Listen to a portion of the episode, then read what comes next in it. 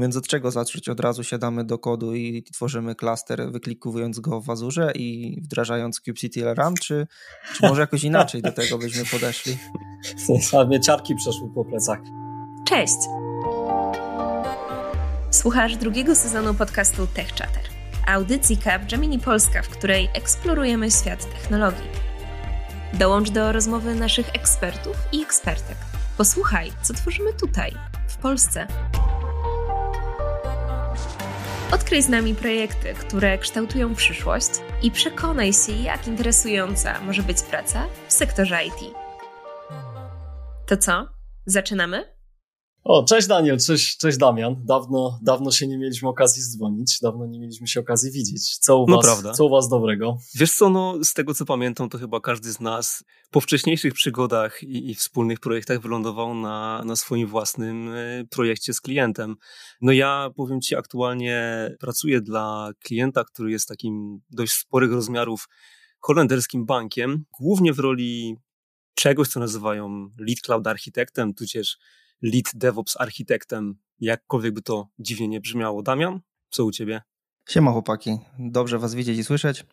Ja też y, po wielu wspólnych bojach wylądowałem sam, podobnie jak ty Daniel, na projekcie, gdzie budujemy platformę związaną z kontenerami.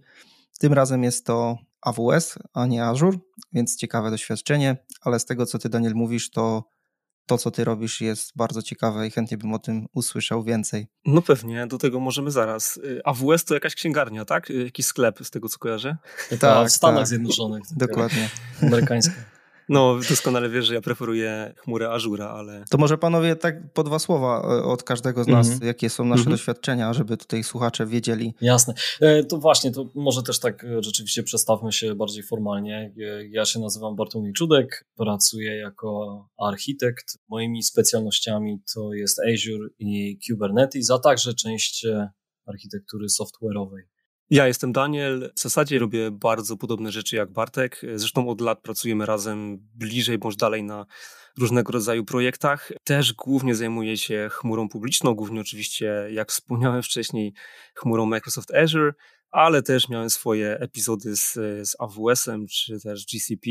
Od kilku lat można powiedzieć, że inwestuje bardzo dużo czasu w rozwój swoich kompetencji kontenerowych, czy to Docker, Enterprise, czy to Kubernetes, nie ma to dla mnie większego znaczenia. Damian? Okej, okay, to teraz moja pora. Ja tutaj w, w Capgemini pracuję e, w tej chwili jako doradca do spraw Kubernetesa, można tak to nazwać. Mój główny fokus to w tej chwili świat Cloud Native i kontenery, no ale też po drodze przy tym pojawiają się chmury, pojawia się on-prem czasami, no różnie to bywa. Natomiast tak jak powiedziałem, mój główny punkt zainteresowania to wszystko, co kręci się e, wokoło e, świata Cloud Native. Tutaj z, e, mieliśmy okazję współpracować nieraz z Danielem i z, z Bartkiem na różnych ciekawych projektach. No i dzisiaj poniekąd tym doświadczeniem będziemy się chcieli też podzielić tutaj z Wami. I też y, fajnie się składa, że akurat w tym gronie się spotykamy, bo szczerze mówiąc, y, w niedawnej przeszłości przyszedł do mnie klient właśnie z pytaniem odnośnie, odnośnie Kubernetesa i miałem nadzieję zasięgnąć troszkę waszej rady jako doświadczonych, mówiąc kolokwialnie, wymiataczy od technologii kontenerowych. Może zacznę od tego. Na pewno nie jest to aż tak duża transformacja, jak ta, którą mieliśmy okazję razem przeprowadzać i dotyczy ona tak naprawdę jednego konkretnego produktu, który ten klient rozwija, to jest ichniejsza platforma, platforma bankowa którą chcą zmigrować właśnie do, y, do Kubernetesa. Trzymacie Dlaczego? się krzeseł, no właśnie, trzymacie się krzeseł, bo powód, który usłyszałem od biznesu, w zasadzie można by streścić w kilku zdaniach. Biznes po prostu chce zminimalizować czas downtime'ów podczas release'ów nowych wersji ich niższej platformy i chcą też dostać coś, co, co w tym momencie bardzo ich boli i chcą to naprawić, a mianowicie nie mają możliwości przetestowania biznesowego, to znaczy przeklikania, mówiąc kolokwialnie, transakcji biznesowych już na zrealizowanym produkcyjnie systemie, ale w taki sposób, żeby jeszcze klienci tejże wersji nie widzieli.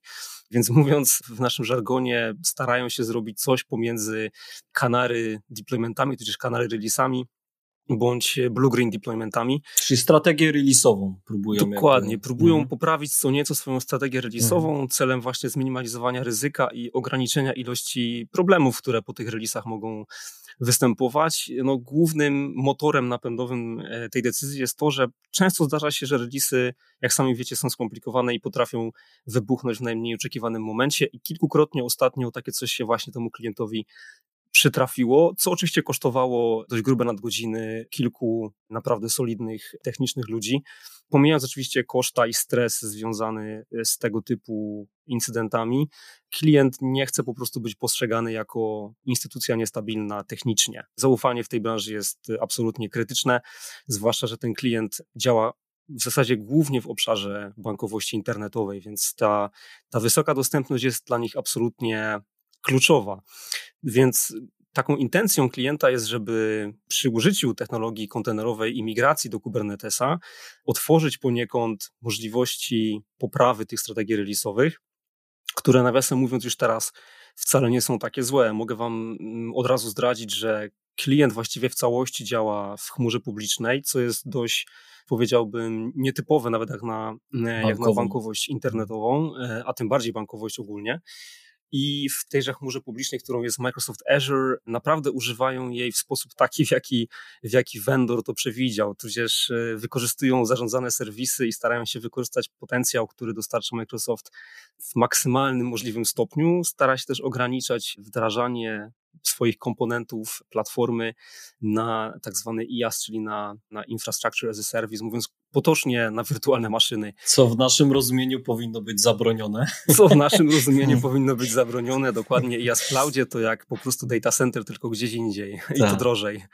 Ale to jest temat chyba na, na inną hmm. rozmowę. Co, wspomniałeś, wspomniałeś o, tej, o tej strategii deweloperskiej, e, przepraszam, o tym CI/CD tutaj i, i jakby takim, e, takim użyciu, użyciu chmury przez klienta, że ono jest jakby dojrzałe. A jak to wygląda w kwestii architektury aplikacji? Czy mówimy o jakimś dobrym, srogim monolicie, czy, czy, jednak, wszyscy, czy jednak jest to podzielone? Wszyscy trochę? kochają dobre, srogie monolity, dopóki nie przeczytają w internecie, że one są złe, później chcą coś z tym zrobić, robią z tego mikroserwisy, okazuje się, że jest jeszcze trudniej. E, w przypadku tego klienta akurat ta aplikacja złożona jest z około 50 serwisów działających mniej lub bardziej niezależnie. Czy nazwałbym to architekturą mikroserwisową? Niekoniecznie, może nie w 100%, o tak. Pewnie w zależności jak zdefiniujemy, co to jest mikroserwis, nie?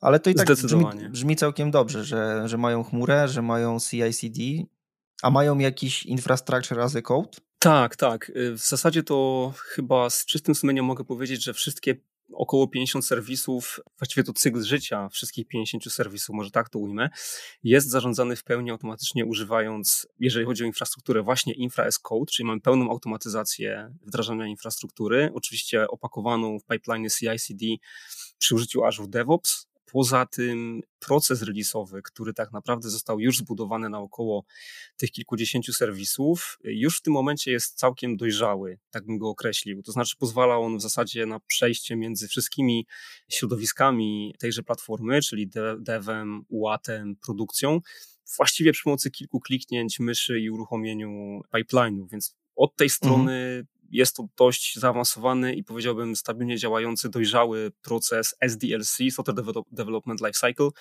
który no oczywiście y, rządzi się swoimi prawami, jeżeli chodzi o o prędkość działania i jakby mm, wpływania na stabilność samego systemu, ale jakby można, można spokojnie rzec, że, że jest ten proces release'owy i, i deploymentowy w pełni zautomatyzowany w tym momencie. No to panie, to brzmi jak wymarzony klient po prostu. No, gdyby, jeszcze tylko, hmm.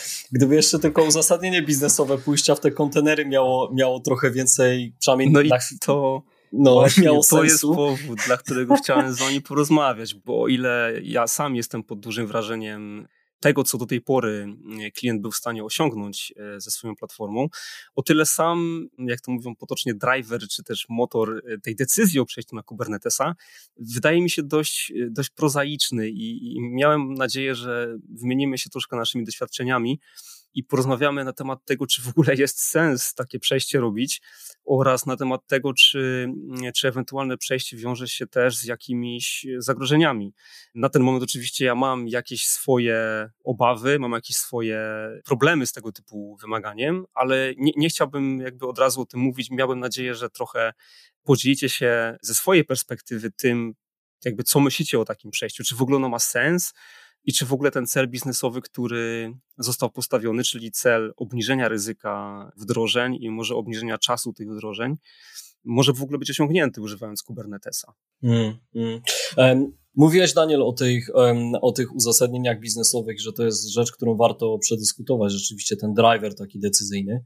I jak najbardziej, jak najbardziej tak, czyli, czyli żeby podsumować to, czego klient szuka, to w technologii kontenerowej szuka ułatwień związanych z releasowaniem aplikacji w sposób taki, aby on był lepszy niż to, co ma dotychczas. O, to bym też chciał zrozumieć, co ma dotychczas, mm-hmm. ale też na pewno, aby mógł zaimplementować e, tych większość praktyk takich e, szeroko znanych i rozumianych, jeśli chodzi o no właśnie sposób releasowania. Czy moglibyśmy wymienić może te praktyki, które znamy, które Kubernetes nam daje, jeśli chodzi o, o, o sposób releasowania, z których ten klient mógłby skorzystać? Zanim jeszcze wymienimy, ja bym chciał tak jeszcze podsumować ten temat i jak ja go rozumiem. Jasne. Czyli z tego, co ja rozumiem, klient chce uniknąć sytuacji, w której releasują aplikacje w weekendy, na przykład o czwartej rano, po to, żeby zmniejszyć ryzyko, że ktoś z tej aplikacji korzysta i chcieliby mieć sposób, żeby releasować nie o czwartej rano w weekend, ale chcieliby releasować na przykład o dziewiątej rano w poniedziałek bez żadnych problemów i bez odczucia, że ta aplikacja na przykład przestaje działać na godzinę w momencie szczytowym, powiedzmy, tylko cały czas jest dostępna. Do tego klient może na przykład o 9 rano w poniedziałek testować tę aplikację gdzieś obok produkcyjnie. Część ruchu użytkowników może być przekierowana już na nową wersję, a część ruchu użytkowników nadal może korzystać z tej starej wersji, powiedzmy przed wydaniem. Tak, Myślę, że ująłeś to perfekcyjnie, z małą tylko i wyłącznie różnicą. Już teraz release odbywają się w tygodniu tylko po godzinach pracy, po godzinach operowania ichniejszego biznesu, ale nie zmienia to kontekstu Twojego podsumowania. Reszta jest jak najbardziej zgodna z tym, czego oczekuje klient. Bartek, ty zacząłeś, mhm. jakbyś mógł dokończyć, ja ci weszedłem troszkę w słowo. Jasne, nie ma problemu. To, co myślałem, że skoro, skoro tak wspominaliśmy, znaczy ty tak ładnie podsumowałeś ten, to, to, to wymaganie biznesowe, to może warto by się zastanowić, jakie te strategie release'owe, które Kubernetes nam daje, mogłyby spełnić te wymagania, prawda? Z czego mógłby ten klient skorzystać, gdyby zanim jeszcze w ogóle będziemy rozmawiać o tym, no myślę, fascynującym procesie prze, przestawienia zwrotnicy z tego, co jest obecnie na, na Kubernetes, to chciałbym, żebyśmy mieli pewność, że rzeczywiście klient może dostać przy pomocy Kubernetesa to, na czym mu zależy, prawda? Czyli mhm. wiemy, że mamy różnego rodzaju metody, tam strategie release'owe, takie jak Canary, Blue Green Deployment, you name it. Czy, czy widzimy którąś z nich, która by ewentualnie aplikowała się dla tego klienta, dla tego, dla tego wymagania, któreś konkretna. Mhm. Ja myślę, że, że wstępnie e, można byłoby się kierować nieco bardziej w, w kierunku blue-green deploymentów, mając na uwadze fakt, że klient chce przeprowadzać releasy, ale jeszcze nie udostępniać ludziom, end-userom, klientom nowej wersji platformy, wykonywanie kanary releasów związane z na przykład e, podziałem części ruchu do nowej wersji, starej wersji platformy wydaje się nie być nie być możliwe. Co więcej, warto też może w tym momencie zaznaczyć, że powodem, dla którego nie chciałem nazywać tej aplikacji mikroserwisową, jest fakt, że klient nie zaimplementował odpowiedniego wersjonowania swoich API-ów, swoich serwisów. Mhm. Problem, który to powoduje, jest taki, że właściwie ta platforma nie może działać w dwóch różnych wersjach w jednym czasie, czy jej komponenty nie mogą działać w różnych wersjach w międzyczasie ponieważ najnormalniej w świecie ichniejsze serwisy nie potrafiłyby ze sobą rozmawiać. Dlatego też klient w aktualnym setupie podczas release'ów releasuje wszystko naraz do środowiska produkcyjnego, tudzież każdego innego tak naprawdę. Zawiera w tym releasie wszystkie komponenty, które były w jakiś sposób modyfikowane w danym cyklu deweloperskim. Dlatego tak, wydaje mi się, że na ten moment chyba bardziej przemawiałaby do mnie strategia blue-green deploymentów, chyba że macie inne na ten temat zdanie. No jeszcze mamy tą strategię związaną z, nie wiem jak to na polski przetłumaczyć, okręgami, mm -hmm. ring-based deployment, prawda, że mamy części aplikacji dla dedykowanych użytkowników, którzy są jakby zapisani do, do tej konkretnej nowej wersji, prawda? To jest -hmm. jeszcze taka rzecz, ale z tego co mówisz, to wersjonowanie może być tutaj no dosyć problematyczne. Czy jest to coś, co uważasz, że należałoby naprawić jako prerequisit do całej tej zmiany w stronę Kubernetesa, zanim w ogóle będziemy dyskutować, czy też jest to coś, czego nie da się teraz zrobić i mimo to damy radę osiągnąć te założenia biznesowe, które klient, które klient mm. przedstawił? Wiesz co, Bartek, to jest dobre pytanie. Czy da się to zrobić? Y, pewnie, że się da. Da się to zaimplementować, da się poprawić kwestię wersjonowania serwisów. Pytanie tylko, czy klient nie przerazi się ilością pracy i kosztów, które, które by to wymagało. Boję się, że byłby to mm, killer, jeżeli chodzi o ichniejszy business case przejścia na Kubernetesa i być może nie, nie skierowałoby ich to w, w te tory. Już abstrahując od tego, że fajnie byłoby już samą taką transformację do Kubernetesa zrobić też z innych powodów, o których pewnie później porozmawiamy, o tyle zaimplementowanie w tych 50 serwisach wersjonowania myślę, że mogłoby być raczej, raczej showstopperem dla klienta. Okay. Także myślę, że to raczej nie wchodzi w grę. Ja też myślę, mhm. że z perspektywy systemu bankowego to też jest tak, że chcemy wydawać całość, nie? Że to pewnie jest, tak zakładam, że to, że to jest jedna logiczna całość, która ma być wydana o danym czasie i trudno by było to zrefaktorować. Tak, to jest też dobry punkt, który podniosłeś. E, bankowość powiedzmy, niesie za sobą kilka konsekwencji, jeżeli chodzi o, o właśnie projektowanie i wdrażanie systemów IT. Jedną z nich jest to, że bardzo często zależymy od zewnętrznych systemów, centralnych systemów bankowych, gdzie no nie mamy możliwości i nie mamy jakby luksusu pełnej kontroli nad tym, w jaki sposób nasz własny software wypuszczamy. Dlatego tak, tak jak mówiłem, może się to okazać showstopperem dla, dla klienta. Hmm to, co słyszę, to chyba y, daje nam, przynajmniej mi, mam nadzieję, Damian, że tobie również y, całkiem dobry pogląd tak. i obraz tego, jak wygląda sytuacja u tego klienta. on jest dosyć dojrzały. Cały software, który jest, który jest pisany, releasowany, chmura jest używana w stopniu bardzo zaawansowanym, więc od strony takiej tej technicznej myślę, że tutaj przejście na, na Kubernetes byłoby takim często chyba naturalnym krokiem dla, dla niektórych inicjatyw.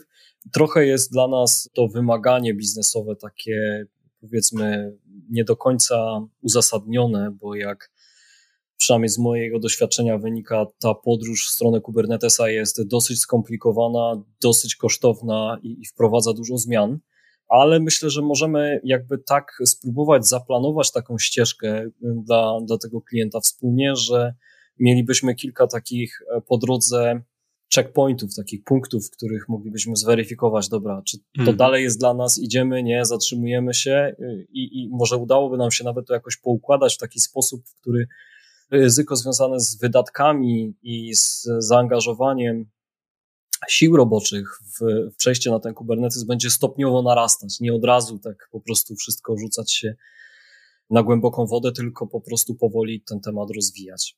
Mhm. Ja bym jeszcze dodał, mhm. że rezultatem takiej analizy można by było później porównać koszty migracji do Kubernetesa versus na przykład koszty stworzenia dodatkowej instancji jakiegoś pasa, czyli Platform as a Service, który pełniłby rolę takiego właśnie blue-green deployment. Jeżeli dobrze rozumiem, to to też mogłoby poniekąd rozwiązać ten najważniejszy problem, czyli, czyli wydawanie nowych wersji na niezależne środowisko Prawda. Ale wydaje mi się, że jeszcze jedna rzecz jest taka ważna, że to środowisko powinno być dokładnie takie same. To, mhm. to tak jakby środowisko, na którym wydajemy nową wersję po to, żeby ją zweryfikować, powinno być dokładnie identyczne jak to, na którym działa już ta stara wersja. I pytanie, czy SASy rozwiążą ten problem, czy też na przykład Kubernetes go rozwiąże. Mm. No to jest ciekawy punkt, y, Damian, bo masz rację, jeżeli mielibyśmy osiągnąć cel biznesowy, który postawił klient bez używania Kubernetesa, to oczywiście byłoby to pewnie możliwe. Trzeba byłoby, tak jak mówisz, stworzyć pełną replikę produkcyjnego środowiska, które teraz klient posiada. To nie jest oczywiście y, jeden pas, y, czy tam jedna instancja platformy ze serwis, którejś z usług ażurowych. To są dziesiątki bądź nawet setki takich usług, więc wydaje mi się na taki mój mm, rozum, że koszty związane z osiągnięciem tego byłyby bardzo wysokie, e, dlatego że już aktualnie klient posiada kilkadziesiąt e, application serwisów w Azure, które no, hostują poszczególne komponenty tejże platformy. Wydaje mi się, że byłoby to dość e, skomplikowane przedsięwzięcie, żeby taką replikę do celów blue-green deploymentu zrobić, e, a na pewno trwałoby to trochę czasu. Jasne, i to, to, jest też e, jeden z często takich driverów, który słyszymy, kiedy mówimy o przejściu na Kubernetes, to jest to, żeby zagęścić ilość aplikacji biznesowych na infrastrukturze, prawda? Bo to nam dają, dają nam właśnie, to jest jeden z fantastycznych rzeczy, które daje nam technologia kontenerowa.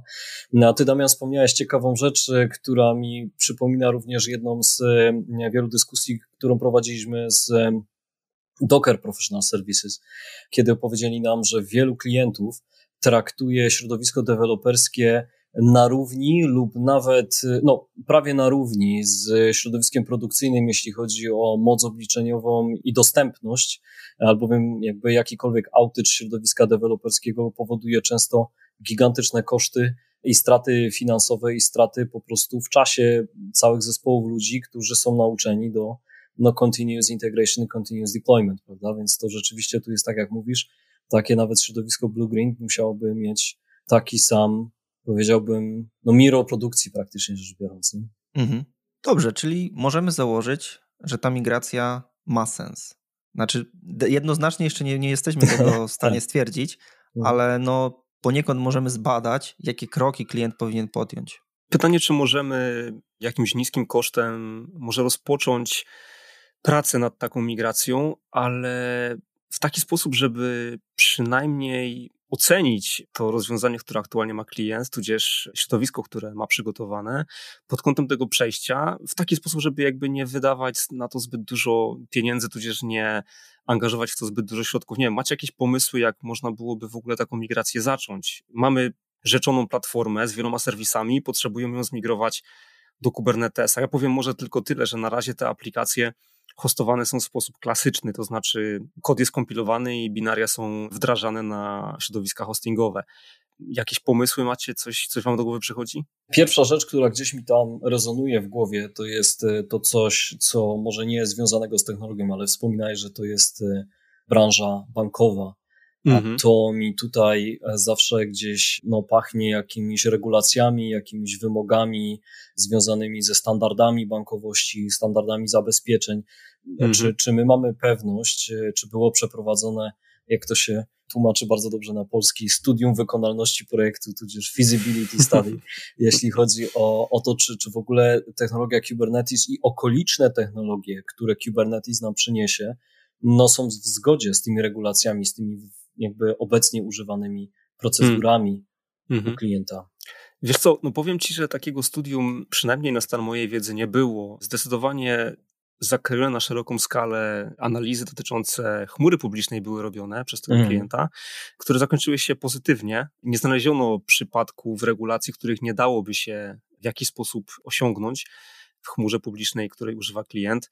Wydaje mi się, że znaczyłoby to, że prawie na pewno y, podobne wyniki osiągnęlibyśmy w przypadku migracji na Kubernetesa i takiego assessmentu w przypadku Kubernetesa. Oczywiście nie mam pewności, więc ja od razu sobie notuję, że jest to być może jeden z punktów, który powinienem z klientem poruszyć, żeby takie feasibility study przeprowadzić, ale na ten moment wydaje mi się, że nie powinno być to problemem. Damian, masz jakieś doświadczenie z tym związane? Znasz jakieś dobre praktyki, jeżeli chodzi o właśnie mm, compliance, czy, czy właśnie wymuszanie zgodności z regulacjami na platformach kontenerowych? Zanim jeszcze odpowiem na pytanie, to też bym się zgodził z tym, co powiedziałeś, że wydaje mi się, że skoro klient zmigrował się do chmury, to już te największe problemy z compliance są za nami. Bo jeżeli przyjmiemy, że ten Kubernetes też będzie w tej samej chmurze, no to tak z mojego doświadczenia wydaje mi się, że nie będzie tutaj żadnych problemów. Oczywiście to jest temat jeszcze do weryfikacji, no bo to nie możemy sobie przyjmować, trzeba mieć konkretne, konkretne decyzje, konkretne mm, powody. Natomiast wracając do pytania, jak najbardziej jesteśmy w stanie wymuszać pewne regulacje co do bezpieczeństwa. Jak wiemy, bankowość e, to niemal jest równoznaczne z, z wymogiem bezpieczeństwa słowo. Także w Kubernetesie jest coś takiego możliwe, aby wymuszać pewne najlepsze praktyki, jeżeli chodzi o, o bezpieczeństwo. i myślę, że bez problemu możemy, możemy je osiągnąć. Zestaw narzędzi, które są w tej chwili dostępne na rynku, pozwalają na takie elastyczne dopasowanie tych reguł, które chcemy wymuszać. Możliwości są ogromne i, i jestem prawie pewny, że jesteśmy w stanie osiągnąć prawie wszystko, co, co zażyczy sobie klient, jeżeli chodzi o jakieś wymuszanie best practice. Mhm. Okej, okay, okej. Okay. Czyli to, to by mogła być jedna z tych rzeczy, które byśmy gdzieś mieli jako akcję do tego klienta, jakby, żeby, żeby to zweryfikować. Myślę, że taka weryfikacja byłaby chyba dwuetapowa dla mnie. Najpierw weryfikacja generalnie podejścia do technologii kontenerowej, a potem weryfikacja designu, prawda? No bo wiemy, że już na etapie designu my wprowadzimy kilka narzędzi. Podejrzewam, że jeden z nich to jest to, o którym opowiadał przed chwilą Damian do zarządzania politykami na Kubernetesie, które wprowadzają pewne reguły. Ale myślę, że to takie narzędzia też będą musiały zostać zweryfikowane, więc to będzie taki drugi mm -hmm. etap post-designie, żeby sprawdzić, czy jesteśmy na dobrej ścieżce. Nie? Mm -hmm. Okay, no dobrze, no to, no to nudy za nami. Czy, czy jeszcze coś mamy? Czy jeszcze coś mamy poza, poza takimi rzeczami Myślę, że chyba z takich wstępnych tematów to tyle. Mnie ciekawi właśnie najbardziej, jak wy byście widzieli taką migrację, bo no nie ukrywajmy, tematy, jak tu wcześniej określiłeś, dobrze, nudne, trzeba będzie przewokować z klientem, zawsze tak jest, zawsze tak będzie i pewnie będą się one ciągnąć dość długi czas, ale to, co tak naprawdę jest istotne dla mnie na tym, na tym etapie, to jest jakieś takie ułożenie planu takiej potencjalnej migracji, bo wydaje mi się, że dopiero wtedy zobaczyłbym i też klient zobaczyłby tak naprawdę, ile z tym wiąże się pracy i ile potencjalnych problemów można, można sobie stworzyć nowych, e, oprócz tych, które się miało teraz. Także co byście doradzili w tym temacie? Jeszcze, jeszcze może warto tutaj do, do, nadmienić, że do tych e, nudnych, aczkolwiek ja, ja trochę boję się akurat w tym przypadku, tak to określić, bo to jest trochę fascynujące, temat związany z kulturą organizacji, która hmm. już u tego klienta jest nazwałbym to właściwa i prawidłowa, no bo definiujemy sobie infrastrukturę przy pomocy kodu, mamy pipeliny, więc to wszystko, co dla mnie jest takim kluczowym komponentem wymaganym, aby był na miejscu, dobrze działającym, zanim w ogóle będziemy mówić o Kubernetesie i kontenerach, no to jest już u tego klienta zaimplementowany. Więc to bym też chyba mm -hmm. z tego, co opowiadasz, y, oczywiście, to bym też jakby gdzieś tam, gdzieś tam odhaczył i to powoduje, że będzie prościej, myślę, w pewnym Tak, pewnym, tak, to prawda, to prawda. Nie zmienia to faktu, że, że wiedza na temat kontenerów klienta na razie raczkuje mhm. i nie ma tak naprawdę nawet żadnych mini projekcików e, rozwijanych przez tego klienta, które by wykorzystywały kontenery, ale zdecydowanie zgodzę się z tym, co powiedziałeś. Kultura, która by nam umożliwiła skok w kontenery, rzeczywiście jest na miejscu. Rzeczywiście mało co wykonywane jest ręcznie. W zasadzie wszystkie elementy aplikacji, infrastruktury są w ten czy inny sposób trzymane w kodzie i releasowane przy pomocy pipeline'ów co jest jakby nieodłączną częścią operacji już po wdrożeniu Kubernetesa, więc no tutaj jeżeli rzeczywiście klient nie miałby tak zaawansowanych procesów deweloperskich już teraz, no to byłoby to bardzo trudne, myślę, do przeskoczenia. Hmm. Czyli podsumowując, jeżeli ktoś z naszych słuchaczy będzie się mierzyć z podobnym problemem, mianowicie ktoś przyjdzie do niego i albo on będzie, on czy ona będzie stał przed wyzwaniem przeprowadzenia takiej migracji, to zaraz po odhaczeniu wszystkich nudnych rzeczy typu compliance i wymagania z perspektywy prawnej, to drugim krokiem byłoby sprawdzenie, czy w organizacji, w której chcemy taką migrację przeprowadzić, jest już ta kultura DevOps, albo na jakim ona jest poziomie. Potem dopiero możemy myśleć o kolejnych krokach już stricte związanych z kontenerami. Zdecydowanie, absolutnie się zgadzam. Świetne podsumowanie, Damian. No to co? To w takim razie może byśmy coś technicznego w tym naszym procesie zaczęli, zaczęli malować. No i skoro opowiadaliśmy o tym, że mamy wszystko pięknie przedstawione w formie kodu, to dlaczego niskim narzutem pracy nie mielibyśmy spróbować najpierw tak skonstruować pipeliny dodatkowe w całym procesie CI/CD, aby produkowały nam obraz kontenerowy z każdego, z każdego serwisu. Takie podejście pozwoli nam szybciutko zweryfikować, czy te serwisy są użyję takiego dosyć e, częstego słowa kompatybilne, może tak, tak to nazwę, z technologią kontenerową. I czy to jest coś, co my łatwo możemy przerzucić e, w stronę właśnie Kubernetesa. A nie ryzykujemy tutaj w przypadku, przynajmniej tak mi się wydaje, poprawcie mnie proszę, e, jakimś specjalnie dużym ryzykiem finansowym czy ryzykiem efortu programistów, prawda? No, a byłoby to również ciekawe, ciekawe dla zespołu taki eksperyment. Ja bym powiedział, że nawet jeśli ta migracja finalnie nie wypali, to zespół deweloperski zyska kompetencje z zakresu kontenerów, a do tego prawdopodobnie ułatwi sobie życie podczas developmentu, po prostu podczas codziennej pracy, bo zamiast uruchamiać gdzieś czy korzystać z chmurowych rozwiązań, będą mogli sobie, nie wiem, jakiś komponent tego systemu uruchomić bardzo szybko jednym poleceniem, czy to będzie baza danych, czy to inna usługa, z pewnością może im to się przydać, nawet jeżeli ta migracja finalnie nie doszłaby do skutku. Hmm. Dobra, czyli jeżeli dobrze Was rozumiem, postaram się to podsumować, bo nie wiem, czy, czy do mnie dotarło. Czyli sugerujecie, że potencjalnie dobrym, niskokosztowym krokiem byłoby napisanie pipeline'ów, które tak naprawdę biorą kod aplikacyjny i zamykają je w obrazy kontenerowe. Nie uruchamiają tych kontenerów na razie w żadnym środowisku. Po prostu byłyby to obrazy kontenerów, które sobie gdzieś na boku siedzą w jakimś registry i dałoby nam to potencjalnie po pierwsze możliwość zweryfikowania, czy nasza aplikacja, jej komponenty są łatwe bądź trudne w, w zamknięciu w taki obraz, a po drugie dałoby potencjalnie troszkę uproszczeń w temacie budowania środowisk deweloperskich. Dobrze Was zrozumiałem? Ja myślę, że jak najbardziej i to, co wydaje mi się, mhm. można byłoby tutaj od razu jeszcze dodać, taki dodatkowy smaczek, to moglibyśmy mhm. już na tym etapie wprowadzić pewnego rodzaju skanowanie tych obrazów. To byłby taki pierwszy krok w stronę security, w stronę zabezpieczenia, coś, co będziemy później z pewnością eksplorować znacznie bardziej, ale niskim narzutem no, jakiegoś tam wysiłku moglibyśmy również poprawić bezpieczeństwo już na, na starcie tych kontenerów i też zasugerować być może jakieś zmiany nawet w obecnym środowisku hmm. dzięki takiemu skanowaniu. Nie wiem, czy oni mają, Danielu, czy ten klient ma zaimplementowany jakiś Secure Supply Chain obecnie, a mhm. jeśli nie, no to byłby jakiś pierwszy taki rozumiesz, mhm. kroczek w tym, w tym kierunku. Pewnie, to ja może tylko rozwinę troszkę. Y, użyłeś stwierdzenia secure supply chain. Y, zakładam, że chodzi ci o taki supply chain w, w procesie software development lifecycle. Klient na ten moment y, posiada, powiedziałbym, bardziej narzędzia niż procesy w okay. tej kwestii rozwinięte, co nie zmienia faktu, że być może byłby to też dobry powód, żeby te procesy rozwinąć. Ten pomysł z zamknięciem kodów w kontener jest ciekawy. Ja myślę, że klientowi by się spodobało to, że można zrobić jakiś pierwszy krok, tak naprawdę nie ryzykując tego, że będzie jakiś negatywny wpływ na całą platformę.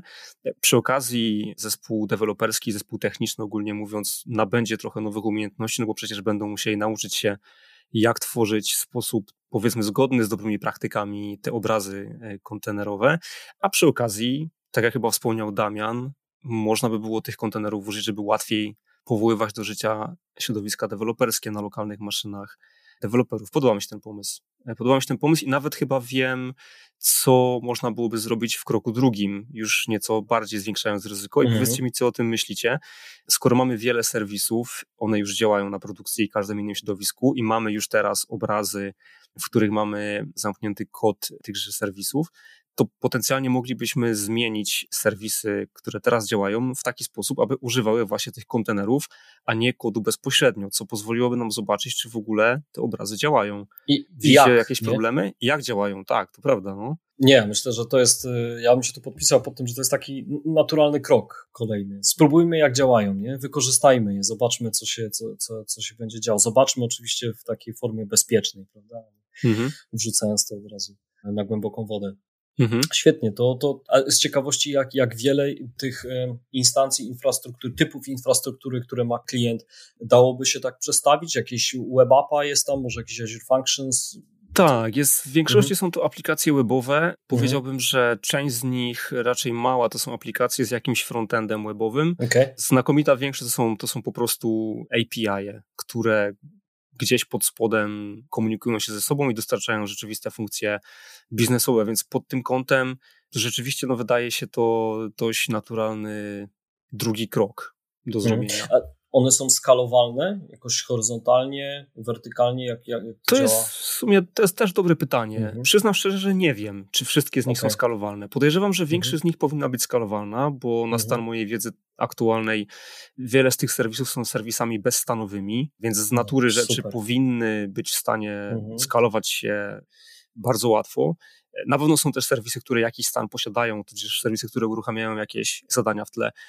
Te pewnie byłoby troszkę trudniej e, skalować, ale rzeczywiście jakby myślę, że jest to też warty punkt do przedyskutowania y, z klientem, bo no będzie to miało też wpływ na to, w jaki sposób możemy później zaplanować ewentualną strategię release'ową. Świetnie, dzięki. Dzięki, to fajna, fajna wiadomość, że, że, że, że są bezstanowe. Mhm. To może podsumujmy temat, czyli zbudowaliśmy obrazy kontenerowe, trzymamy je już w repozytorium, mhm. możemy je uruchamiać lokalnie i teraz kolejnym krokiem byłoby uruchomienie tych obrazów w chmurze, w mhm. usługach, które zezwalają na to, żeby wskazać konkretny obraz dockerowy i po prostu mhm. uruchomić to jako kontener. I myślę, że abstrahując od chmury Azure, można to osiągnąć również w innych chmurach i nawet jeżeli nasi słuchacze będą mierzyć się kiedyś z problemem podobnym w innej chmurze niż Azure, to również jest to taki krok wspólny, który można mhm. rozważyć przy potencjalnych migracjach. Myślę, że tak. Myślę, że na, na stan mojej aktualnej wiedzy też o, o innych chmurach typu AWS czy GCP to również byłoby możliwe zadanie. W przypadku tego klienta sporym ułatwieniem jest fakt, że z serwisu, które wykorzystuje klient celem hostowania elementów platformy, już teraz wiem, że one wspierają możliwość również działania w oparciu o obrazy kontenerowe, więc ta zmiana by nie była jakoś specjalnie trudna. Tak mi się przynajmniej wydaje na ten moment. Ja jeszcze chciałbym nawiązać do czegoś, co Damian e, wspomniał przed momentem, środowiskach deweloperskich. I to jest myślę też również bardzo ważna rzecz, aby napomknąć, że mając te serwisy już skonteneryzowane, możemy ułatwić również pracę programistom, bo oni będą mogli, korzystając z różnego rodzaju narzędzi, czy to jest Docker Desktop, czy Launcher, będą mogli sobie uruchamiać te kontenery już u siebie i symulować o wiele prościej experience taki deweloperski, prawda? Myślę, że to jest, że to jest mhm. też bardzo dobry benefit. Zdecydowanie tak i do tego bardzo powiedzmy małym kosztem w stosunku, patrząc z perspektywy całej migracji jest to bardzo mały koszt. Mm. Zarówno czasu, jak i pieniędzy. Okej. Okay. Wspominaliśmy również o tym takim pierwszym skanowaniu, które moglibyśmy wykonać już w registry, już na tym, na tym etapie i również wprowadzić taki proces cyklicznego skanowania tych obrazów kontenerowych, ale to również daje dodatkową funkcjonalność, jaką jest Software Bill of Materials. Wiem, że Damian, ty miałeś okazję kiedyś coś pracować z SBOM-em, jeśli dobrze pamiętam. Możesz powiedzieć, jakie benefity można czerpać właśnie z takich, z takich informacji, jaką jest BOM? Jasne. Więc generalnie każdy software musi gdzieś być hostowany i każdy software e, potrzebuje jakichś zależności, jakichś bibliotek, frameworków i tym podobne. Jeżeli weźmiemy jeszcze do tego technologię kontenerową, dochodzą nam do tego też często paczki związane z samym systemem operacyjnym. Nie oszukujmy się, w dzisiejszych czasach kontenery to tak naprawdę Linux, więc będziemy tutaj mówić głównie o paczkach i wszelkiego rodzaju narzędziach, które są związane z Linuxem. I teraz wprowadzając weryfikację SBOM-u, jesteśmy w stanie też zweryfikować, czy nie tylko sam kod, który tworzą programiści, jest bezpieczny, bo do tego będą inne narzędzia, które powiedzmy będą statycznie analizować sam kod wytworzony przez programistów, czy też dynamicznie, bo tu też mamy kilka technik, ale sam SBOM, czyli Software Bill of Materials, pozwoli nam zweryfikować, czy te paczki, które są niezbędne do uruchomienia tej aplikacji, na pewno są bezpieczne i czy są zgodne z regulacjami, w tym przypadku bankowymi. No to wydaje mi się jest jedna z kluczowych rzeczy, która byłaby potrzebna i być może nawiązując trochę do tego, co powiedziałeś wcześniej, Bartek, byłby to naturalny sposób na rozszerzenie tego supply chaina software'owego o kolejne elementy bezpieczeństwa tegoż supply chaina. Dodatkowe skanowanie, tudzież nawet raportowanie bill of materials danego kontenera myślę, że byłoby przydatne, dlatego też ten klient powiedziałbym, że bardzo, bardzo zależy mu na tym, aby wszystkie biblioteki były pozbawione jakichkolwiek e, krytycznych podatności. I jest to jedna z rzeczy, które naprawdę no, spędzają sens powiek e, bardzo wielu inżynierów na co dzień, więc myślę, że dodatkowe źródło informacji o tym, że coś jest nie tak, jak najbardziej byłoby też benefitem, chyba którego klient się nie spodziewa w tym wypadku, więc myślę, że jest to fajna rzecz, warta też zanotowania. Super. Fajnie, fajnie, słuchajcie, no to te wszystkie rzeczy, które żeśmy dotychczas e, opowiadali, planowali, no to, to są takie rzeczy, które, no te, te koszty nie będą, nie będą wysokie, ale wydaje mi się, że prędzej czy później będziemy musieli przejść do etapu weryfikacji kosztów infrastruktury. To myślę, że, że no, kolejnym krokiem byłoby weryfikacja kosztów infrastruktury oraz weryfikacja w ogóle kosztów całego projektu i sprawdzenie, czy, czy dalej to business case spina, prawda? Czy, czy, czy dalej te wymagania postawione przez klienta za taką cenę są do, do osiągnięcia. Mhm. Jak najbardziej ma to sens. Ja zastanawiam się, kiedy mówisz koszty infrastruktury, ja jak najbardziej się potem podpisuję. Zastanawiam się, jakby co tak naprawdę warto byłoby ująć w takich kosztach. Nie wiem, czy macie jakieś doświadczenia, bo koszty infrastruktury, pojęcie jest dość, e, dość ogólne. Ja wiem, że też wielokrotnie wy oboje mieliście e, doświadczenia z, z wycenianiem i z kosztorysami projektów cloudowych. Jakie w ogóle komponenty byście brali pod uwagę w takiej wycenie kosztów? Ja myślę, że to jest dość ważne dla mnie, bo, bo no to nie ukrywając, to będzie dość kluczowa informacja dla klienta, zanim tą decyzję podejmie ostateczną. No zacznę od tego, myślę, najbardziej oczywistego i naj, naj, naj takiego, no, w cudzysłowie prostszego, bo, bo jest to po prostu klaster kubernetesowy na Azurze. Jego będzie trzeba jakoś na tym etapie już mniej więcej zmierzyć, zaprojektować, ile i jak ma być duży ten klaster, ile ma mieć nodów, jakich rozmiarów, ile tam ma być mocy obliczeniowej. To, to, to myślę, że jest taka pierwsza, takie serce całego tego, tego przedsięwzięcia ale wiemy, że to serce często wcale nie jest najdroższe, tylko te satelity naokoło, które gdzieś tam, które gdzieś tam się pojawiają. To byłby taki pierwszy krok, myślę, w projektowaniu całego tego przedsięwzięcia, więc ten klaster, no i, no i musimy na tym, ten klaster pointegrować, pospinać, pododawać różne dodatkowe rzeczy i teraz myślę, że to jest ten moment, kiedy moglibyśmy sobie powymieniać chyba takie komponenty, które wygenerują koszty, a które będą nam, nam, nam potrzebne, prawda? Mhm, mhm. Dobra, to ja mam parę pomysłów, co by mogło być kosztem. Często zapominamy o takich e, podstawowych sprawach, e, jak monitoring aplikacji. Nie? Myślimy o migracji do Kubernetes, ale mhm. musimy wiedzieć, że migracja do, do Kubernetesa może wiązać się z pewnymi zmianami w komponentach, które służą do monitorowania tych aplikacji. Mhm. Co o tym myślicie, panowie? Słuszna uwaga. Ja właściwie nie pomyślałem o tym e, jak na razie i jest to, jest to ciekawy punkt. Klient na ten moment monitoruje swoją platformę w dość taki dokładny sposób.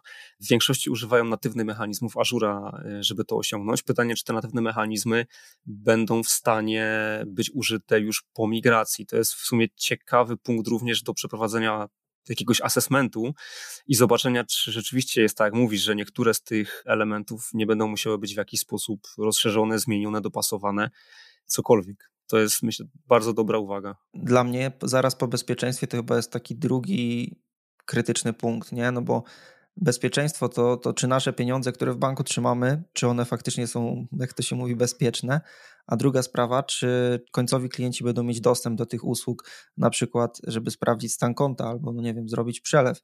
Więc jeżeli cokolwiek, jakkolwiek by się zadziało źle z tą aplikacją, no to musimy reagować, zanim to klient do nas zadzwoni i powie, że nam system bankowy nie działa. Mhm, prawda, prawda. Dobra uwaga. Na ten monitoring myślę, że również można dorzucić jakby wszelkiej maści software as a services, które będziemy chcieli używać i licencje z tym związane.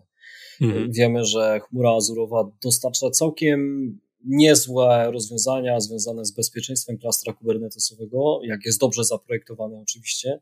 Niemniej no, są lepsze rozwiązania na rynku, które można byłoby rozważyć, całe takie security suits, ja bym nawet powiedział, które, mm -hmm, które pozwalają jakby monitorować bezpieczeństwo klastra i zarządzać nim, nim aktywnie. To jest zdecydowanie coś, co ja bym tutaj polecał w tym kosztorysie rozważyć, a także związaną z tym analizę całej architektury bezpieczeństwa.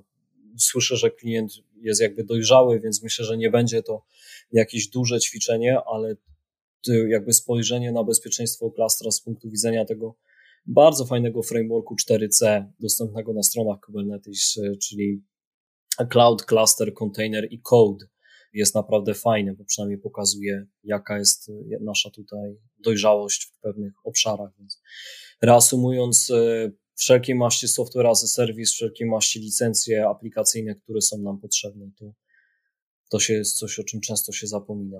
Mhm. Czyli z tego, co dobrze rozumiem, mowa tutaj o licencjach na przykład takich jak dodatkowy software związany z monitoringiem, może z bezpieczeństwem, a może z użyciem kontenerów na lokalnych maszynach deweloperskich, bo przypomnijmy, Docker Desktop od, nie, od jakiegoś czasu jest płatnym narzędziem dla dużych firm, można to nazwać firmy typu Enterprise, nie wchodząc już w szczegóły licencyjne, Więc to też mogą być potencjalne koszty tej migracji.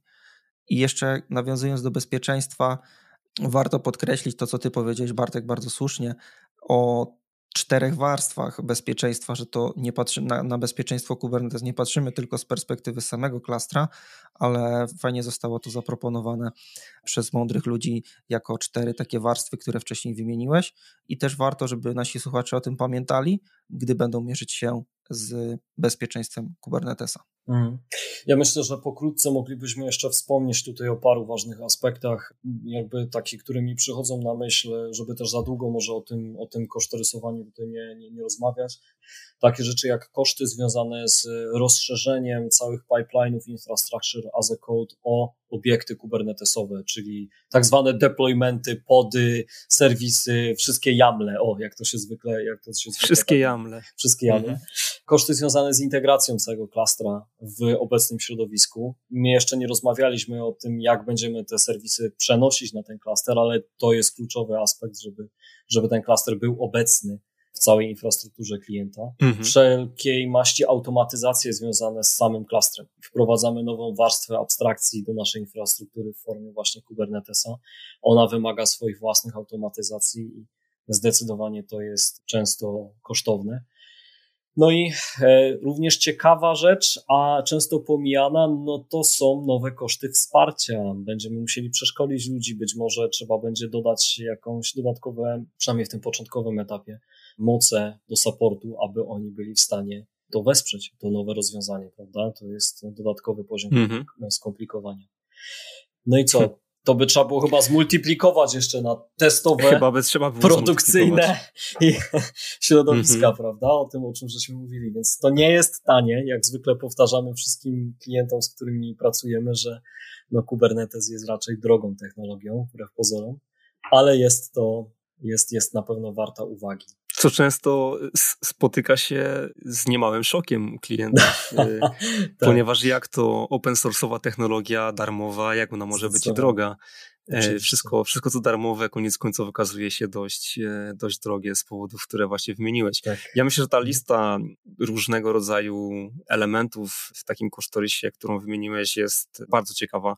Po raz kolejny zrobiłem sobie notatki i pewnie przygotuję się dobrze do tej rozmowy z klientem, bo myślę, że te finalne koszty mogą być dla klienta dużym zaskoczeniem, zwłaszcza, mm. że tak naprawdę jeszcze nie mówiliśmy o tym, ile taki projekt tak naprawdę może trwać i, i, i jak sama migracja, ile zasobów sama migracja tak naprawdę pochłonie. Ale dobrze, o tym pewnie, do tego pewnie jeszcze przejdziemy, przejdziemy za chwilę. I to pewno będzie też dobrym inputem do weryfikacji z klientem, czy dalej chce. To mógłby być taki checkpoint, Właśnie. prawda? To jest chyba kolejny no. checkpoint. Jak dobrze pamiętam, tak. mieliśmy już taki mhm. checkpoint mm. wcześniej. To jest bardzo mm. fajny, bardzo fajny element w, w takim, powiedzmy, wachlarzu umiejętności architekta, żeby dać klientowi możliwość decydowania na wielu etapach. I jakby na każdym etapie dostarczać pewne wartości jak najniższym kosztem, żeby no, wspomóc dalszy proces decyzyjny. Myślę, że tutaj się to sprawdza idealnie. Dobrze, czyli co? Weryfikujemy z biznesem, czy koszty infrastruktury, całej tej otoczki, bezpieczeństwa, przeszkolenia ludzi i tak dalej, czy to pokrywa się z wymaganiem biznesowym, jakie dostaliśmy na początku? Hmm. Przyjmijmy, że tak, nie? No bo mhm. przyjmujemy, że tak. Więc od czego zacząć? Od razu siadamy do kodu i tworzymy klaster, wyklikowując go w Azurze i wdrażając kubectl RAM, czy, czy może jakoś inaczej do tego byśmy podeszli? Same ciarki przeszły po plecach. Nie, no trzeba byłoby chyba napisać jakiś dokument, nie? Jakąś szeroko rozumiane HLD i LLD. To jest coś, co zawsze, zawsze gdzieś tam e, implementujemy, znaczy jakby stosujemy w naszych podejściach Tutaj tylko może napomknę pokrótce, że dla nas y, no, HLD jest taką częścią bardziej biznesową, LLD to jest dokument czytany bardziej przez osoby techniczne, ale obydwa te dokumenty mają takich pięć filarów, które zawsze staramy się mieć w tej dokumentacji i one nam pozwalają się upewnić, że o niczym nie zapomnimy, kiedy projektujemy jakąś architekturę.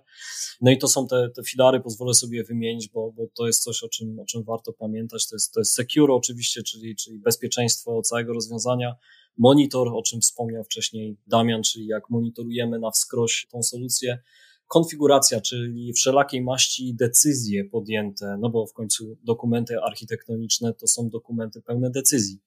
Protect, czyli różnego rodzaju business continuity, disaster recovery rozwiązania, I wreszcie govern, govern, czyli część taka compliance'owa, patrzenie na to, jak jesteśmy zgodni z wymaganiami, jak jesteśmy zgodni z regulacjami na przykład i jak na to automatycz, w jaki automatyczny sposób patrzymy na te, na te wszelkie, wszelkie zmiany. Także takich pięć filarów ja zawsze staram się szukać w dokumentacji technicznej, w dokumentach HLD i, i LLD myślę, że w tym rozwiązaniu, Danielu, też bym, też bym ich szukał. No zdecydowanie, zdecydowanie taki jest też mój cel. Ja, szczerze mówiąc, biorąc pod uwagę nasze też wspólne doświadczenie sprzed lat z budową różnego rodzaju serwisów opartych o kontenery, ja sobie nie wyobrażam czegoś takiego jak siadanie wprost od razu i implementowanie w tej skali rozwiązania. Ja jakby rozumiem testowanie, proof of concept i tak dalej, ale jakąś część uwagi należy poświęcić przemyśleniu tego, jak to rozwiązanie oparte o Kubernetesa będzie właśnie integrować się z środowiskiem infrastrukturalnym klienta, no bo wiadomo, to co projektujemy zwykle nie wisi w przestrzeni, nie wisi w, w pustce, tylko jest jakby częścią większego ekosystemu, więc zwykle tym tematom poświęca się dużo, dużo uwagi.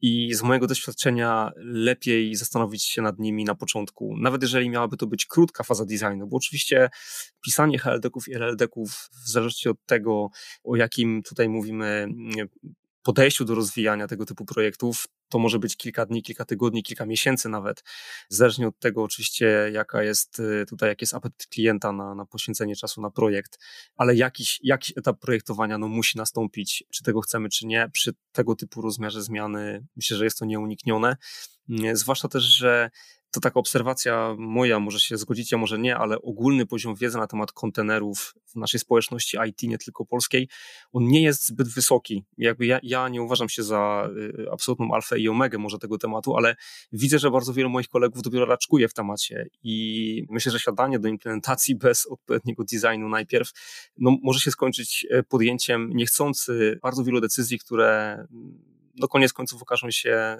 strasznych skutkach i mogą tak naprawdę spowodować, że to rozwiązanie będzie nieużywalne.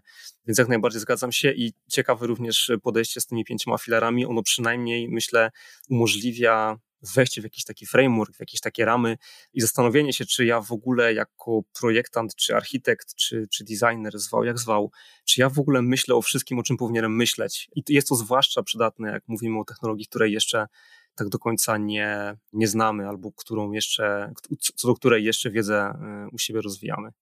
To zabawię się w e, product managera. Danielu, na kiedy? Będzie to w przyszłym tygodniu?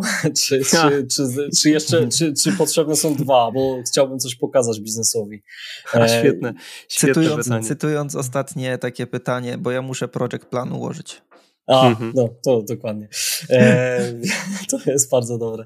O czym my tu rozmawiamy w ogóle? To, jaki to jest rząd wielkości? No bo wiadomo, że nie mamy co, co estymować, ale, ale jak nam się wydaje, ja myślę, że, ja myślę, że temat y, wykonania odpowiedniego projektu i, i fazy migracji, czyli już wykonania tego, co w tym projekcie sobie założymy, raczej liczyłbym w miesiącach czy kwartałach, niż w dniach czy tygodniach. Jakby stopień zmiany, nawet w przypadku tak dojrzałego klienta, wydaje się na tyle duży, że ja bym bał się, widząc estymację pokroju jeden miesiąc czy, czy kilka tygodni, zwłaszcza jeżeli ta estymacja zawierałaby w sobie również samą migrację tegoż systemu, więc takie jest moje pierwsze przeczucie. Nie wiem, co o tym myślicie. Kwartały dla mnie, kwartały. Mhm. Zdecydowanie tak żartując, że to kontenery to automatyzacja jest. Ja myślałem, że to wszystko szybko będzie. Wszystko nie? samo się zrobi. No. Wszystko samo się robi. Nie, kwartały, kwartały. To jest, to jest myślę, że już nawet nie, nie, nie, zobaczcie, że też nie rozmawiamy o tym, jak zespół będzie ustrukturyzowany, kogo tam potrzebujemy, jak on ma, jak on ma wyglądać, ale już jakby przesuwamy się w stronę jakby po prostu kwartałów. I to nie jest też tak, że my chcemy straszyć, żeby, nie wiem, kogoś e, odwieść od tej decyzji, tylko po prostu jesteśmy realistami. Kilka projektów już e, zrealizowaliśmy, no i to są nasze doświadczenia. Mhm. Dokładnie. Dobra, no tak. to co, tutaj e, jakby żeśmy e, przegadali ten czas związany z budową. Znowu jest checkpoint z klientem, czy sytuacja ma, ma sens i, i, i czy dalej są chętni. Mhm. No to przyjmijmy, że jakby ten klaster gdzieś tam będzie projektowany, on będzie zdeployowany, zrobiony i z, przedyskutujmy proszę o tym samej tej migracji tego rozwiązania w stronę kontenerów. E, co tutaj możemy powiedzieć i, i zasugerować. Zakładając, że mamy kilkadziesiąt e, tych serwisów, czyli tych powiedzmy mikrokomponentów e, całego systemu, pewnie dałoby się tutaj wyróżnić kilka podejść, jak zaprojektować proces migracyjny. Czy robić to na przykład jakoś per środowisko, na przykład migrujemy całe środowisko deweloperskie, następnie testowe, następne produkcyjne, a czy może migrujemy się tak jakby bardziej agile, czyli kilka mikrokomponentów, tudzież jeden mikrokomponent migrujemy na Kubernetesa i zobaczymy, jak to się będzie zachowywać. No i trzeba by się zastanowić, które w ogóle z podejść jest możliwe, jakie są jego wady i zalety. No to ja od razu może zauważę względem tego, co powiedziałeś, tych dwóch podejść. One są zgoła różne, ale wydaje mi się, że to podejście, o którym wspomniałeś, w migrowaniu jednego czy kilku mikrokomponentów przez wszystkie środowiska aż do produkcji, jest dość ciekawe, bo ono bardzo szybko da nam informację taką, powiedzmy, end-to-end. Bardzo szybko, relatywnie szybko, może tak. Będziemy wiedzieć, czy całe to podejście ma w ogóle sens no, oczywiście zagrożenie tego jest takie, że jest to dość skomplikowane przedsięwzięcie i jest to, że tak powiem, all or nothing, nie? Albo nam się uda, albo nam się nie uda, więc robimy wszystko, żeby doprowadzić do, do release'u na produkcję przynajmniej jednego komponentu. Ja tu widzę też takie zagrożenie z tym podejściem związane, że i tu popraw mnie, jeżeli Damian masz inne zdanie, ale mamy wtedy działające równolegle dwa środowiska infrastrukturalne i jedno nowe oparte o Kubernetesa, na którym mamy zdeployowany ten jeden mikroserwis, czy, czy, czy tam kilka mikroserwisów, które zdecydowaliśmy się przenieść i całą masę innych komponentów, które działają dalej w starym, dotychczasowym modelu, więc tutaj trzeba by było duży położyć nacisk na to, żeby jednak ta integracja tego klastra kubernetesowego była bardzo dobrze przeprowadzona z istniejącym środowiskiem. Nie wiem, czy, czy masz na ten temat jakieś, jakieś dodatkowe mhm. jeszcze przemyślenia? Uważam, że jak najbardziej słuszne, słuszne tutaj podjąłeś y, takie powiedzmy punkty krytyczne, no bo wyobrażam sobie sytuację w ten sposób, że zmigrowaliśmy, nie wiem, 5 spośród 50 y, tych, tych komponentów do Kubernetesa. I teraz, jeżeli mamy tutaj taki aspekt, że to ma działać praktycznie 99,9% czasu, no to w momencie, gdy faktycznie mamy jakiś problem, to, to gdzie, szukać, gdzie szukać tego problemu? Czy to był problem z Kubernetesem, czy może z tymi serwisami pasowymi? Czy już ten zespół, powiedzmy, zdobył na tyle kompetencji, aby poradzić sobie z y, jakimś ewentualnym troubleshootingiem, na przykład aplikacji, które działają na Kubernetesie. I jak do tego podejść, bo, bo z pewnością proces wykrywania błędów w aplikacjach, które działają w modelu takim pasowym w chmurze versus aplikacji, które są wdrożone w Kubernetesie, będzie zupełnie inny. Więc Zgadzam się, migracja service by service i taki bardziej agile, podejście agile ma, ma swoje wady. Mhm. Jakby też nie zrozumieć źle, ja widzę bardzo duże zalety tego procesu, no bo tak jak wspomniałem, przynajmniej widzimy end-to-end, jak działa nowe rozwiązanie. To jest niewątpliwie bardzo przydatna rzecz, również z tej perspektywy, że może ona być też kolejnym punktem takim decyzyjnym, że jeżeli udowodnimy na jakimś jednym czy kilku przykładach, że taka migracja zrobiona end-to-end rzeczywiście może nie jest taka straszna, jak nam się wydaje, no to może być duża zachęta do, do, dalszych, do dalszych migracji. Z drugiej strony mamy to podejście, o którym wspomniałeś, środowisko po środowisku, czyli powiedzmy, że jeżeli dobrze rozumiem, na przykład migrujemy sobie całe nasze devowe środowisko i zamykamy je w klastrze kubernetesowym i testujemy tak naprawdę integracyjnie całość tego systemu już w Kubernetesie. Dobrze to zrozumiałem? Tak, dokładnie. Generalnie chodzi o to, i też byłem częścią takiego projektu, gdzie właśnie w ten sposób odbywała się migracja. Przepinaliśmy po prostu ruch po zakończeniu pracy nad jednym środowiskiem.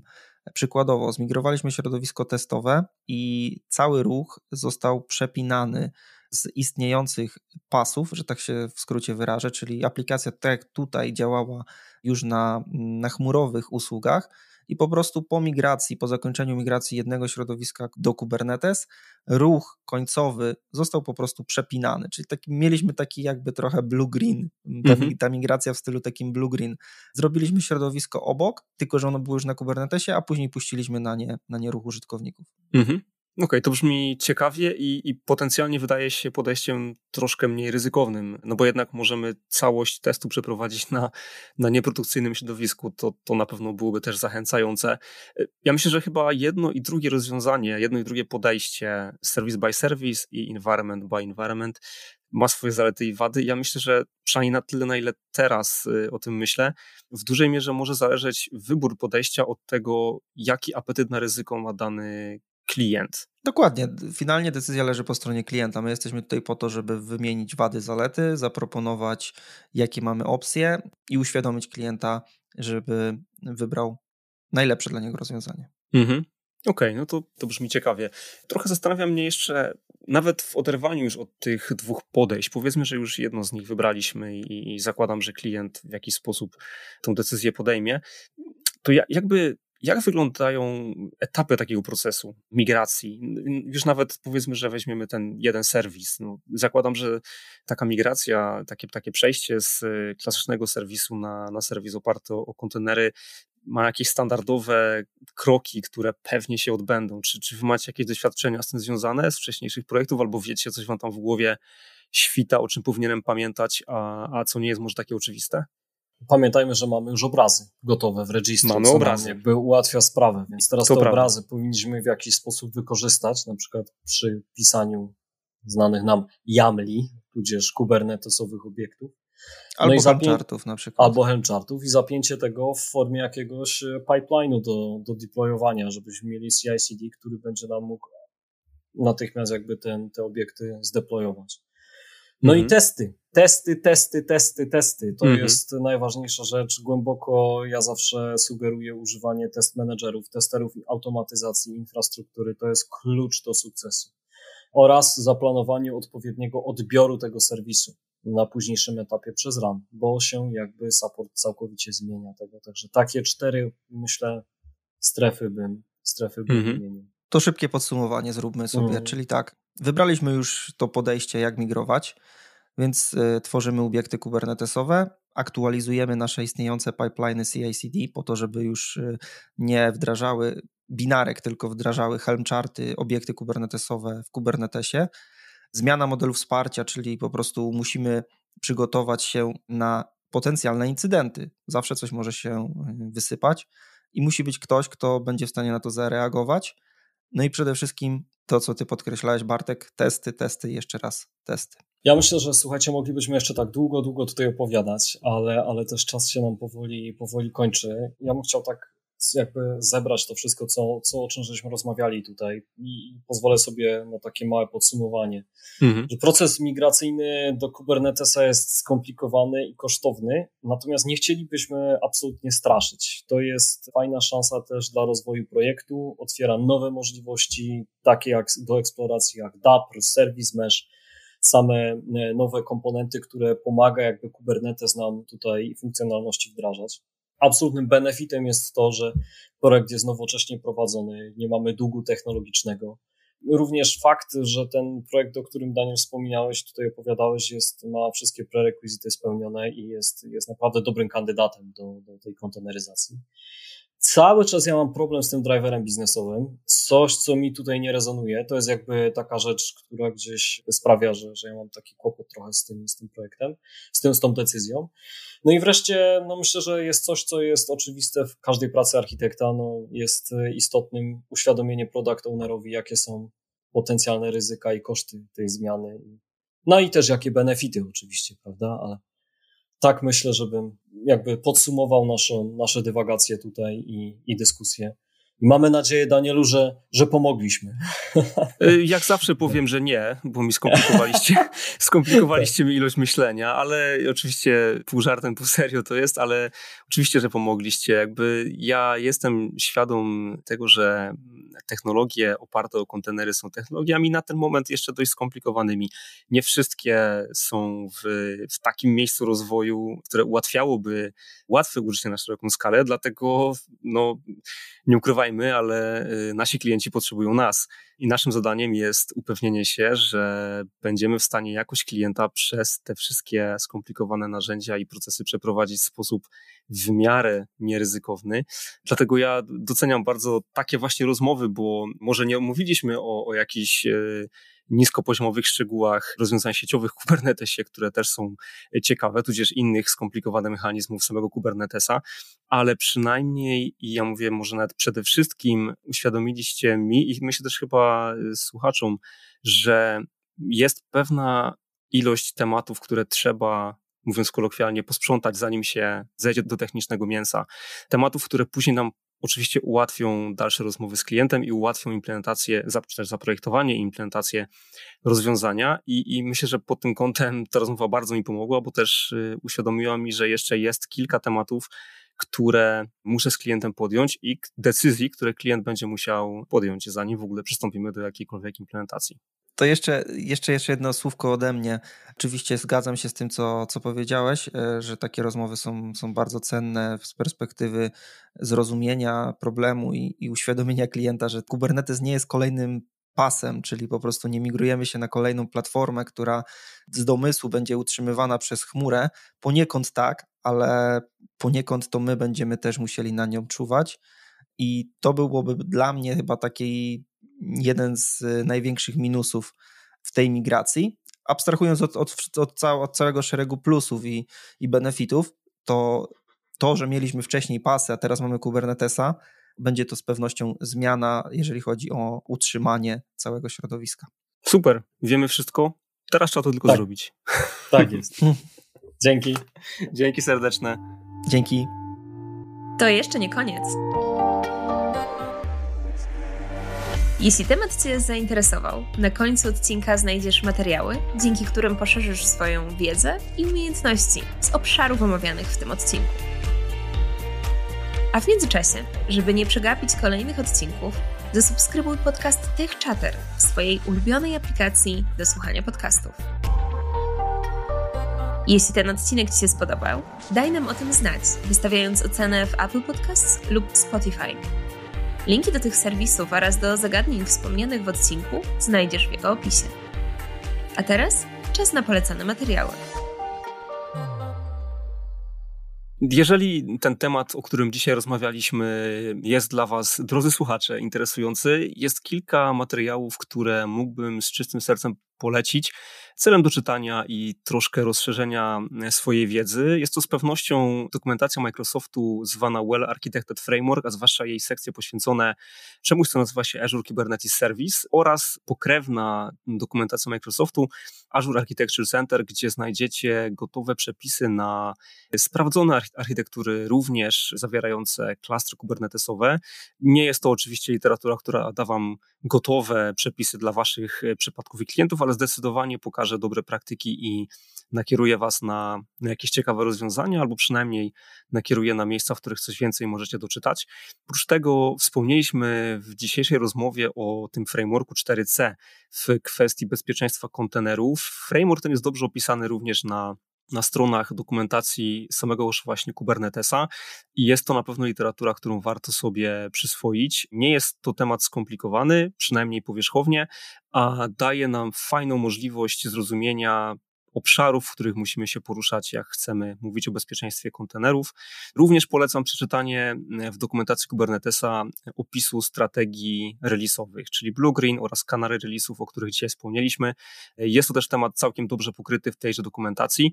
Chciałbym polecić Wam więcej dokumentów, czy też więcej materiałów o całości tego tematu dzisiejszego, o migracji do Kubernetesa. E, niestety, szczerze przyznam, że z takimi materiałami się nie spotkałem póki co w internecie, a przynajmniej nie w formie, która która dawałaby jakieś duże benefity z, z, z, ich przeczytania, czy też przyswojenia sobie. Stąd też nie ukrywam, powstał pomysł na, na dzisiejszy podcast. Damian, czy ty masz jakieś inne materiały, które mógłbyś polecić słuchaczom?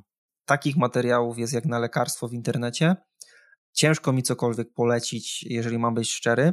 Może poza jedną pozycją, która mogłaby ułatwić taką kulturę DevOpsową, prowadzenie takiej kultury DevOpsowej w organizacjach, jeżeli jeszcze jej nie ma, bo to też warto podkreślić coś, co, co dzisiaj mówiliśmy. że takim absolutnie wymaganiem wstępnym do migracji do Kubernetesa jest ta kultura DevOpsowa i ten mindset, który powinni mieć deweloperzy i nie tylko deweloperzy, ale również powinien być świadomy tego biznes. Więc z mojej strony polecę pozycję, która może ten mindset poniekąd przybliżyć, może pokazać, jak ta kultura DevOpsowa powinna wyglądać i jak powinien wyglądać e, nowoczesny model dostarczania oprogramowania. I tą pozycją jest książka Continuous Delivery autorstwa Jess Humble. Z czystym sumieniem mogę ją polecić. Jest to taka dość gruba cegła i myślę, że taki dobry wstępniak do wprowadzenia kultury DevOpsowej w organizacjach.